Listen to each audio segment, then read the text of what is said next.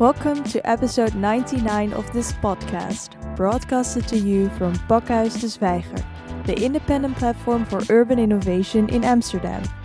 My name is Annick van Rinsum, and our guest today is Nancy Bocken, professor in sustainable business, co founder of HOMIE, a young, innovative business that operates at the forefront of the circular economy, and principal investigator at Circular X. This episode is part of the Reflow series. Dear Nancy, welcome. Thank you. You're an expert on sustainable business models. And to start off, what does business mean to you? Yeah, for me, business is really the driver for change and innovation. So at the moment, we rely on business uh, to produce our goods, uh, to have innovative business models, to provide us with mobility, food, and the products we use on a day to day basis. So for me, it makes a lot of sense to see business as a driver for sustainability transitions uh, as well to put forward some of those novel innovations. Could you maybe elaborate a bit on your current activities and research? Yes, um, I do research and education and a lot of other things in addition to that, but those are basically my main tasks uh, as a professor in sustainable business. There are many ideas out there on how we might build a circular economy, but how to put those into practice. And so for that, I'm developing all kinds of tools and methods. And uh, one of the other things that I focus on is sufficiency. So, how can we do slow consumption as part of business practice, which sounds a bit counterintuitive, but I think there are potentially a lot of ways to do that. And so, how do you do that? Yes, uh, so sufficiency actually means slowing the loop or slow consumption. And there are many examples, maybe also examples that we know in the past, maybe from the 1950s, that you bought like a washing machine that would last uh, your whole life almost. And we can go back to that really to maybe a premium model or long lasting products. And then you might ask uh, a higher price. So away from the cheap model to uh, yeah, durable products again that might cost a little bit more.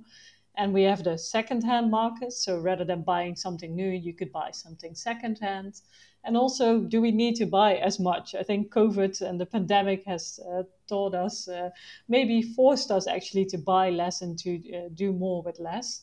And I think maybe that's uh, something we need to go back uh, to as well. So the things you're mentioning, I think, are part of what a circular economy could look like.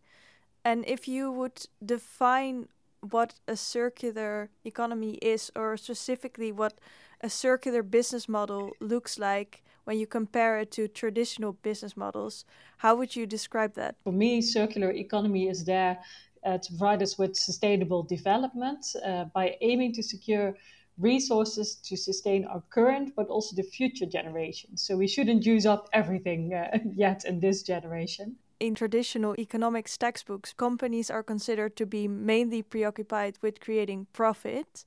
Um, and people have talked about other important factors that economics models didn't take into account. But in the last years, we see a shift towards um, creating value instead of creating profit. Could you maybe tell us a bit more about how this shift came about? Yeah, I think the shift came from uh, multiple directions, and uh, it's quite an old shift already. Uh, for instance, uh, Rachel Carson, already in the 1960s, she published the book Silent Spring, uh, making us aware of the use of pesticides and chemicals and how this has a negative impact on ourselves and on the environment. Then we also had the oil crisis in the 1970s and an oil and energy crisis, so it sort of forced us to use less of that.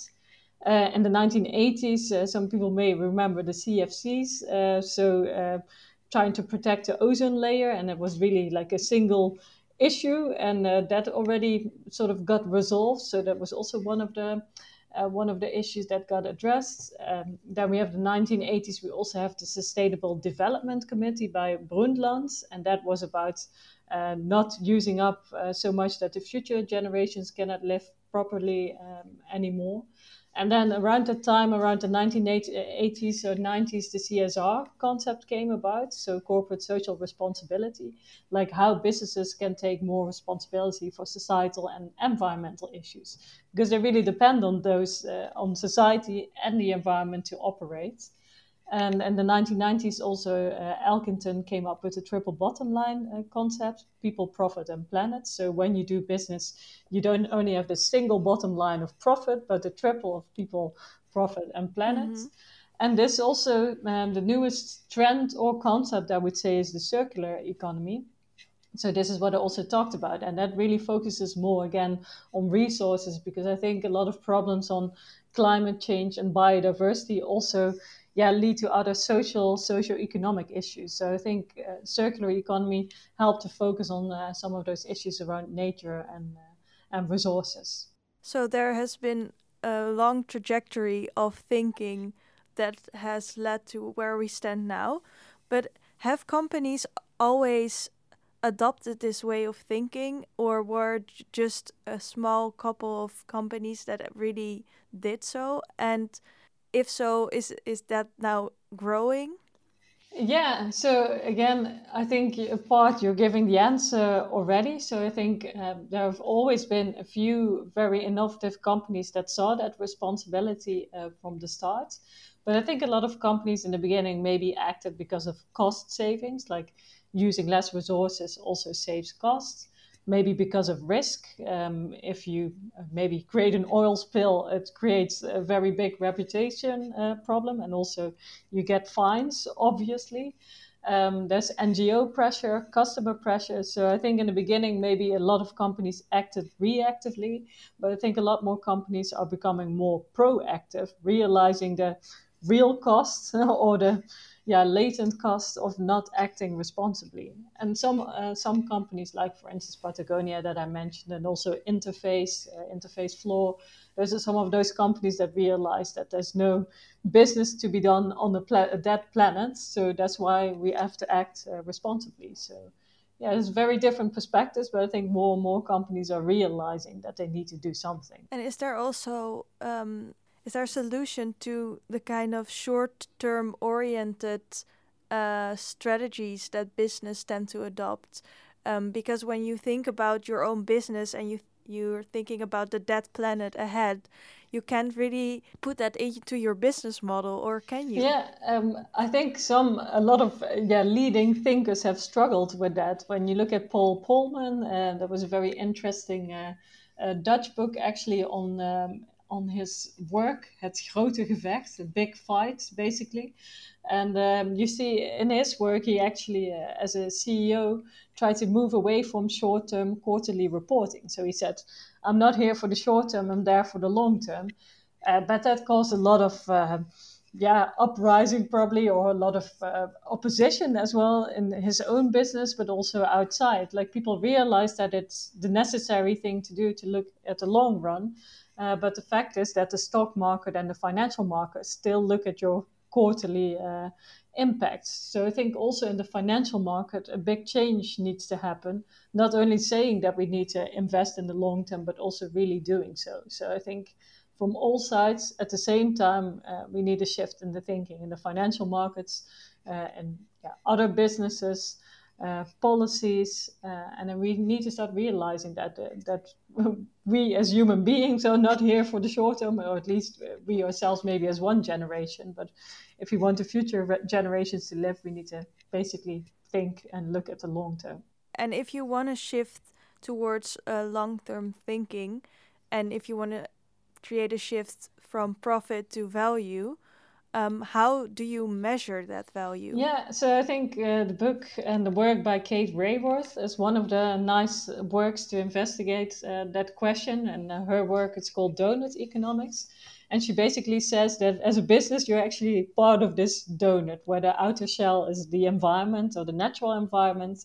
And within that sits society, and within that, the econom- economy or economics that we created as a yeah human society basically. So if you realize that that the economics are only part of this uh, donut and the inner part dependent on the outer layers then you start to understand that we're yeah measuring the wrong thing or uh, optimizing the wrong thing if we're only looking at economic value.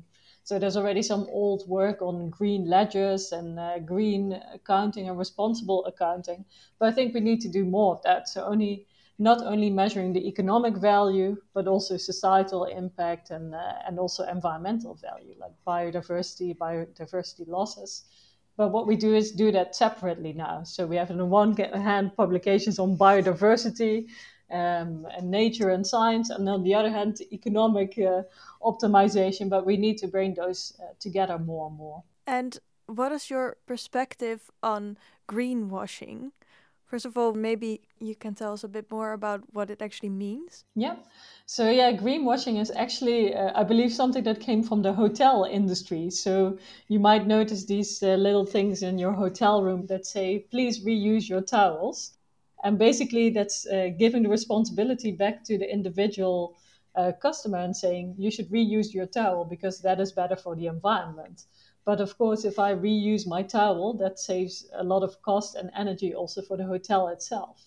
But as a company or a hotel or whoever you are, you need to think about and how can I do something about that myself? So not only putting the responsibility back with your customer, but also thinking about how can I improve my business as much as possible. So make it possible for my customer to use the best possible product or service.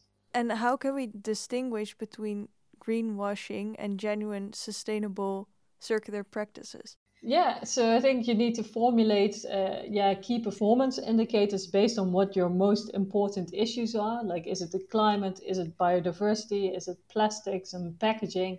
Is it the way you treat people or a combination of those? So I think the sustainable development goals can be a very good starting point. They have been developed also with input from businesses, so they can be quite uh, a meaningful starting point to think about what are my most important issues.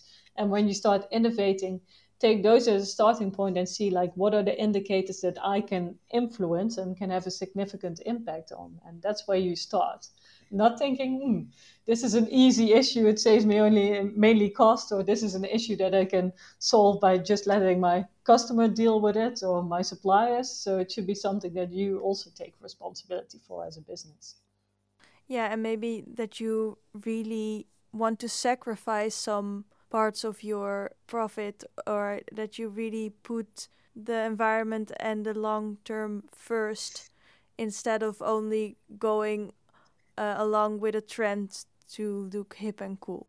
Yeah, well, the best possible innovations do both, perhaps. So they and create a new and interesting market and make a lot of money and and and.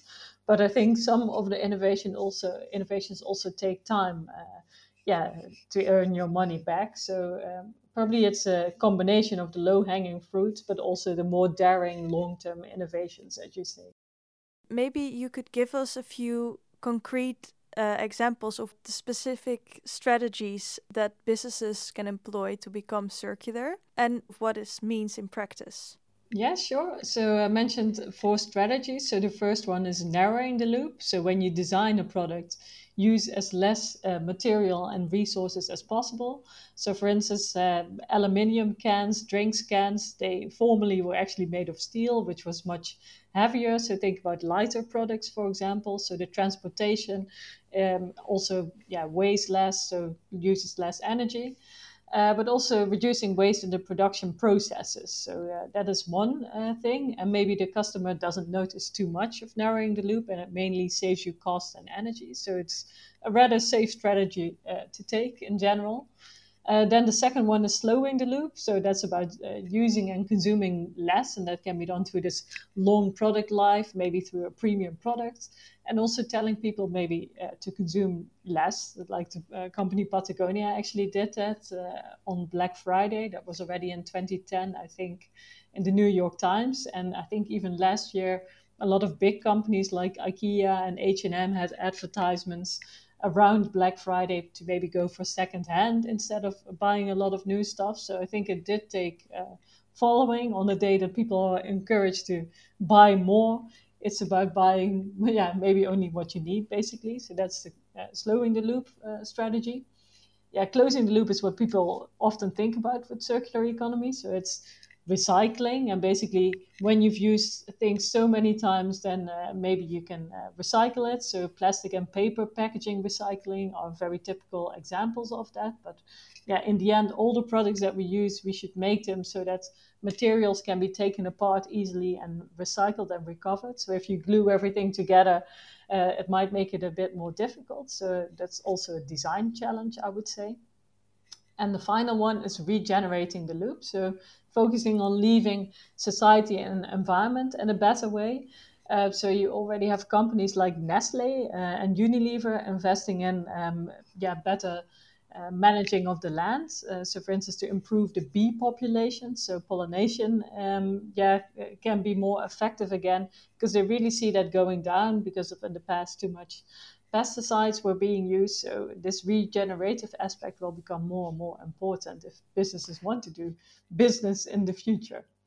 And how did they make that happen that the bee population was growing again? Yeah, so what you often see is that, uh, yeah, for instance, a fast-moving consumer goods company such as Nestle or Unilever, they make products that are dependent on agriculture, but not always. Uh, yeah, this expertise of uh, agriculture is not always present fully uh, inside the business, maybe because yeah, those parts have been sold and it's mainly putting together uh, ingredients. But what you see is that uh, new collaborations are then made, for instance, with, uh, with NGOs that have the knowledge. So expertise groups like biologists and NGOs, uh, they're asked for advice and also to collaborate because they have the same yeah, view on the, uh, the same goal, basically, to improve uh, the environment. So what you see more and more is that there's collaboration with NGOs, um, yeah, rather than those fights, uh, fights that you may have seen in the past. So NGOs start to realize, yeah, there's of course a fine balance because on the one hand you need to, yeah, make the companies accountable for the issues that they cause, but on the other hand, there could also be collaboration to solve some uh, some of those big issues. When it comes to slowing the loop, you you talked about buying less and maybe buying secondhand, but also um, for companies to produce products that last longer. So, um, could you give an example of this and how this is put into practice? Even if you um, don't mention specific names, you see that there's a huge vintage market um, already. So a lot of products are being reused more and more, becomes fancy as well for furniture uh, and clothing. Uh, a company that's also interesting is a furniture company called Vitsoe. So they're in, amongst others in the UK, and they also do don't do bonuses for and sales commissions. So uh, they rather undersell than oversell you. But of course, yeah, how do you make that possible? How do you make a premium model where you only uh, sell once or yeah, not so often. How do you make it economically viable? Well, some of the products are maybe 10 times more expensive than what you buy at IKEA. So that is uh, called a premium model. Uh, what you also see for longer lasting products is that companies do a service type of model, like a rental or lease model. For instance, in the Netherlands, we have Mud Jeans and they do lease jeans. So you pay um, a small amount a month to lease the jeans, and at the end, um, the product is recovered for reuse or recycling. So that's another type of model, the service model. So when your jeans are worn out, you bring them back to the store and they get recycled into new jeans. Yeah, exactly. It might be new jeans or other products. Uh, and you see that a lot also in the heavy industries and the business to business industries like aerospace, uh, but also automotive. So a lot of the motor blocks or big parts are being reused and turned into new uh, products. Well, is, a, is an aircraft a product, a huge product? So a lot of components are actually being reused because they're still very good. So they might only need to be repaired or maintained, and then uh, they are reused either through a service model or take back and uh, remanufacturing and reuse. Would Swapfiets, for example, also be an example of this kind of strategy? Yeah, I think yeah, Swapfiets, like any service uh, company, uh, should have uh, an incentive to uh, build something that lasts. So, uh, I, if I am the owner still of uh, um, yeah, a machine or a bicycle, of course, I want to make it last as long as possible. So I have to do fewer repairs to it because that is costly each repair. So um, yeah, I, I, know that uh, Swapfiets as a company is also looking into a circularity strategy and improving the circularity of its uh, bicycles and making them last uh, and closing and slowing the loop as well. Because I've also heard that when it comes to appliances that we use at home, like washing machines. Formerly, sometimes they were also made to break at a certain point, even though it's kind of easy to make a durable uh, version. Is this shift already happening? And can you tell us a bit more about that? Yeah, so this is called uh, planned or premature obsolescence. And I think France also had some legislation uh, under development or already in place around that. And it tried to sue uh, Apple as a uh, as a country, it tried to sue the company Apple for premature uh, obsolescence of its uh, iPhones. And basically, yeah, that's what you see because uh, you create novelty as marketing and you hope that companies keep buying more and more of your stuff. And that is a, a proven volume driven business model. But of course, in the future, uh, yeah, we cannot keep using resources like that. So it's better to uh, reuse and retrieve uh, products so you can remanufacture and, and turn them into new products. So what you see is that also uh, uh, the policy is catching up at that. First in France, but now they're also looking into, for instance, the availability of spare parts, uh, making it illegal um, to have this premature obsolescence and this was also one of the drivers for us to start HOMIE because we were yeah really annoyed by having these cheap washing machines that would break uh, down after two years. So this is what we could maybe afford but then the washing machine would break down after two years and the repair would be almost as, as, as expensive as buying a new washing machine. And it's quite a hassle. So that was one of the drivers also to start HOMIE. Yeah we'll talk about HOMIE in a bit. But first of all what would you say are the biggest challenges to starting a circular business? I think it's finding this uh, sweet spot where something is attractive to the customer, but also something that is environmentally much better. So it's about finding this niche or this hotspot or sweet spot where environmental gain and something really that needs to be solved for the customer, real problem to be, to be solved, uh, called an innovation literature. What is your job to be done or problem to be solved? Those two really need to come together because otherwise it might just be a green product that appeals to a very small group of people. So the challenge is really knowing what is needed and what is wanted. Yes, exactly. So it's a normal marketing question, but also a marketing question that involves, uh, yeah, much greater levels of sustainability or, or circularity. So maybe a broader perspective, you take more things into account, like the environment. Exactly. Yeah, and I think companies like Unilever have already tried to use marketing for good, for instance, trying to influence people to wash their hands using soap or maybe take shorter showers. You can see whether you can argue whether this is uh, the responsibility of a company, but at least uh, through this type of advocacy and yeah, maybe more social type of marketing, you can try and influence uh, consumer behavior through the products that you sell. And what are the first steps in creating a circular venture? Well, it's a, it's a good question, but of course you have to have an idea combined with a certain purpose, right? Like if you want to create any venture, then you can just start with an idea and look whether uh, look whether there's really a market. But basically, um, as a sustainable business, you often start with a purpose or a vision. Like, what is it I'm really trying to solve? You also saw that with the ocean cleanup, uh, for example. It really started with a vision to clean up the oceans, and that led to a technology and then a business behind it. So I think with a circular or sustainable business, you often start with a purpose, and that is often uh, driven by a certain issue that you really want to solve. And then you have to find a customer need or a job to be done that is uh, that can be combined with that specific goal. And how do you then go through the banks with your circular business proposal? Yeah, I think uh, the banks are a, a, challenging one because people think, ah, with an idea, I can go to a bank. But I think that's more something you can do when you have quite a regular business, like a, a SME, and want a loan maybe for a proven small business, whether it's uh, a pub or a hairdresser. But if it's something very innovative and new, often you first need to go to private investors or venture capitalists who help you grow the idea and uh, further prove the markets. And then you can go to more traditional banks. So, banks as they are uh, now in place, they're not really funding startups uh, in this way. So you first need to find rich friends, and then maybe you can go to the banks. Exactly. no, but of course you also have uh, a lot of government support as well. Also at as HOMIE, we had part Dutch government, uh, but also part university. Um, yeah, support. So a lot of uh, universities also have a little bit of seed funding, or government also has uh, support for new innovations.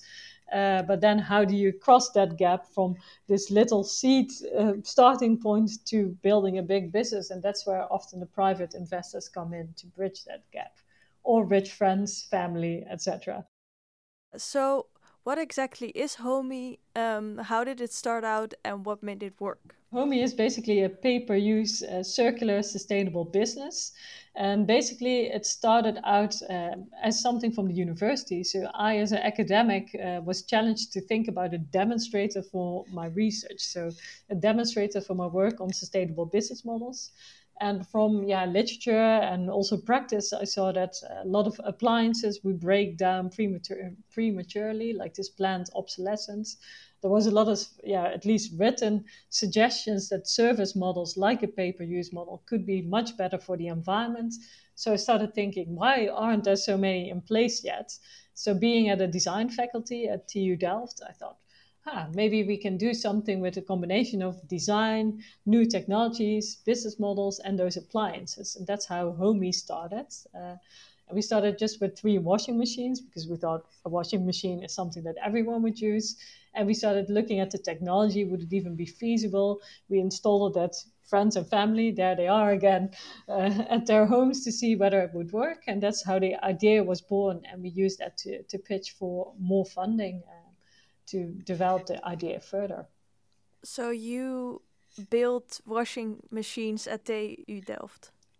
We didn't build the washing machines we built a tracker into it to make it a pay per use model. So we used existing durable washing machines and we thought can we hack them so you can make them available as on a pay per use basis? So we built and a what tra- is a pay per use basis exactly so um, rather than um, buying a whole washing machine so you can go to a shop and say i want this washing machine we basically install a washing machine for free in your home and you only start paying once you use the machine so now we charge a small deposit but in the beginning it was entirely free so uh, the washing machine is installed for free and a low temperature wash would cost you less than a high temperature wash. So in this way, we also want to stimulate uh, even more sustainable behavior.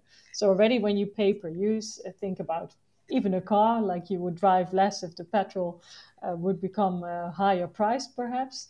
Um, you can also be more conscious about um, yeah about how much and uh, how often and at which temperature you wash through this pay per use business model. And how is this feasible for HOMIE itself because if you want your customers to if they don't have to pay for the product and you want them to use it as least as possible then how do you make a profit yeah, in the beginning, we let the model free and we basically did it exactly as you say, like uh, no minimum uh, amounts, etc. But we also had to do our own calculations to make it a viable model in the future. So what we did is also looked at the minimum amount of washes that uh, people at least need to do to have a clean laundry. So we came up with uh, at least a minimum amount of washes uh, a month that is far below uh, the European average. And so we're continually tweaking the model to see how it is still exciting for the customer, but also that it becomes more viable. Uh, initially, we also didn't have a deposit on the washing machine, so a deposit that you would get back in the end, anyways. So we also lost machines on the way uh, because people maybe uh, um, got bankrupt and our washing machine was literally taken uh, and we never saw it back, or people, yeah, occasionally uh, disappeared and the washing machine as well. So now at least we have a deposit uh, system in place to make sure that at least we cover that uh, part of the initial cost. Because there's no legal um, rules yet for kind of land projects in houses? Yeah, well, I think that sometimes they were mistakenly mistakenly uh, taken. Um, so when uh, yeah people went bankrupt, they took the washing machine because it's one of the uh, yeah valuable things in the home. But now we have ownership of home, HOMIE because as a service provider, we still own the machine. So that is now stickered on the machine, so people cannot just take it. So um, yeah, if someone cannot afford it anymore or needs to move homes, uh, we take it back, uh, refurbished, and can install it in someone else's place. It's kind of like going to a library and bringing books home with the stickers that it's yes. still the the library. We're a library for appliances. Yes. sounds sounds really cool. Do people feel weird that they have something in their house that is not theirs? Uh, I think people eventually feel that is theirs. I think that's different from a laundrette. So we also looked at a laundrette as an analogy, but uh, yeah, laundrette is quite cumbersome. Like you le- need to leave your house with dirty laundry and then uh, wait there until it's done, basically. So it's quite a process. I think because it's in your home, people feel maybe more connected with it and also I think it becomes a more engaged project. So you, they also get a message basically when uh, the laundry is done. So this also becomes more of a helpful service. We also try to give advice on how people can wash better. So it becomes maybe a nicer product to think about rather than something passive in your home. So we don't feel like a, uh, we feel that it becomes a more involved product than something. Uh, yeah, strange. It's kind of a service involved. Like you have a personal shopper, but then a personal washing assistant. Yeah, so that's where the name homie comes from as uh, well. A bit like slang for being your friend, uh, a friend in the home. What were the biggest lessons that you learned from uh, like setting this up? And what were some things that were difficult but that you overcame? Yeah, I think the model itself, like as a yeah sustainable business, you want to be as good as possible for the planet and offer as much value value as possible to the customer as well. So for me, it was quite, uh, and for us actually as a business, it was quite a hurdle to set this minimum number of washes, but it was necessary to make it an economically viable uh, model as well. So I think that tweaking of the model was really necessary. Um, and yeah, so I think there's always this tension between what is economically and environmentally and uh, customer viable, so to say. Uh, so that is a balance that we had to strike. So I wanted to have the perfect, greenest product possible, but I think yeah, you need to yeah think about the trade-offs between what is economically and environmentally viable. Then also, I guess. Uh, the financing of it. So uh, we moved from the university to Dutch government to private investor funding, and that will really helped us to grow. Um, and I think, yeah, maybe in the future we want to have our own appliances. So those are some of the technical uh, things that we're still looking into. That uh, we use existing uh, equipment, uh, appliances at the moment because we're still small and we don't have millions, so to say uh, to develop our own production facility yet, but this is definitely something that you would have to do to make the perfect sustainable business, I guess, in the future. Well, we're looking forward to that. Yes. you are also involved with the Circular X project. What is the Circular X project and what are you trying to achieve? Yeah, so the Circular um, X project started with a blank sheet with a research proposal for the European Research Council. And I basically wrote it already in 2018. So you can see how slow academic timelines can be because I only started it last year. But basically, it's about one important issue. So it's about experimentation with those circular service business models, like the one uh, that HOMIE pursues. Because what I saw is that a lot of ideas on what a, cir- a, circular service model might be, but in practice, we don't see so many yet. So there's a couple of things that we want to achieve in the Circular X project. It's a five-year, 1.5 million project, uh, currently with six uh, researchers, but we're also recruiting uh, more in the future. So basically, we have four aims. So understanding what those circular service business models are, and also what their impacts are on the environment, where are they, and uh, yeah, what do they do good for the environment? Uh, then we want to advance this understanding of what is experimentation and piloting. So how can you come up with these new models? So basically, some of the questions that you were already asking. Uh, then we also want to develop tools, tools to assess the impact, but also to guide companies in the future development of those models. And in the end, we might want to build experimentation labs. So maybe physical labs, first of all, virtual, probably with uh, COVID. But then we also want to create virtual um, physical labs where companies can come together and maybe think about co-creating some of those uh, business models because I think circular economy is highly collaborative. So you need to work together with different people to achieve it. Yeah, that's very clear. Do you think we are on the verge of a shift in economics? And if so, what does it look like? Yeah, I hope so. So I think uh, certainly with uh, things like Doughnut Economics, but also this circular economy concept, we put forward a new way yeah, of an uh, economy. And I think um, in all sectors, there's evidence to see that people want change and are looking for change, uh, also in policy. Uh, but yeah, only in hindsight you can see how fast uh, this transition uh, has gone. Uh, but I think the more people think in this different way, um, yeah, the more people become the transition, and uh, we will change more quickly.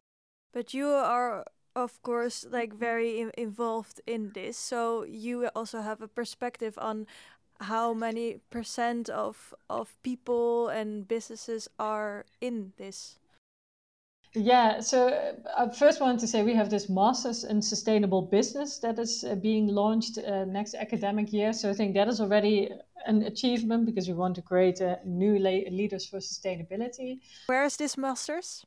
uh, Masters in Sustainable Business uh, share between Maastricht University and York University, and the first pilot will be run from York University. So you can actually apply now if you're interested in doing a new Masters in Sustainable Business. Super cool. Um, but yeah, going back to your question, um, some reports, I think there was a recent one by Circle Economy out, says, say that the world is, yeah, that's funny to talk about the world as circular, but 8% circular. So that's more about the economic activities. So that's about, around recycling and reuse. Uh, we also did a report in 2016 on remanufacturing, where it was about 2% of total, re, uh, total manufacturing um, is, uh, is remanufacturing. So those are very small percentages. So I think, um, yeah, we need to do more to accelerate this transition and make it go faster. Um, what is positive is that in all the sectors that we are investigating for Circular X, which is food, mobility, uh, construction, and clothing, we basically see uh, this rise. Also, energy using appliances we look at. We see that there is experimentation, um, and when I wrote the proposal, there wasn't so much yet with some of those new models so yes, to me there is a change uh, happening. Can you also see this change um, reflected in politics? Yeah, so very exciting. We have the Green Deal uh, in the European Union, and a part of that is a circular economy action plan. Um, so yeah, that's really to promote the circular economy, building on um, what is there already. So, for instance, uh, the WEEE directive on uh, treating electronic waste. Um, end of life vehicle directive. So there were already directives uh, focusing on the end of life and recycling. Uh, but more than that, there will be uh, more legislation on uh, premature and planned obsolescence, availability of spare parts so people can have the right and access to repair. So more and more will come out of that circular economy package. So it's really seen as a yeah, way to create green growth in Europe. Uh, in China, there's a circular economy um, law as well, and other nations around the world is also uh, becoming part of legislation. So I see this as a as a big uh, change maker. If we want to live in circular cities in the future, what is needed to do now? Yeah, start the transition. Like I hope in a circular uh, city, we might not own so much and uh, and have so much stuff. Maybe we even live in smaller houses, like the, with the tiny house movement uh, that you will see.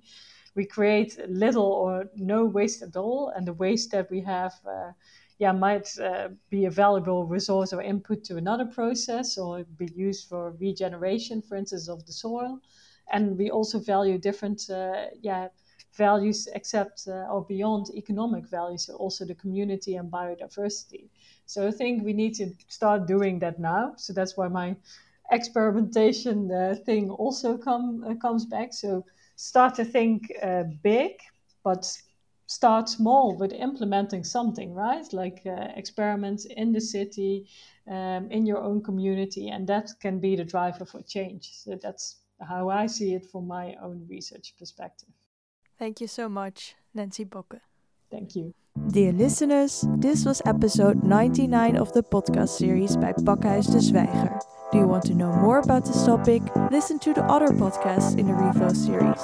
You can rate or subscribe to our podcast via SoundCloud, Spotify, iTunes, or another podcast platform. Thank you for listening, and until next time.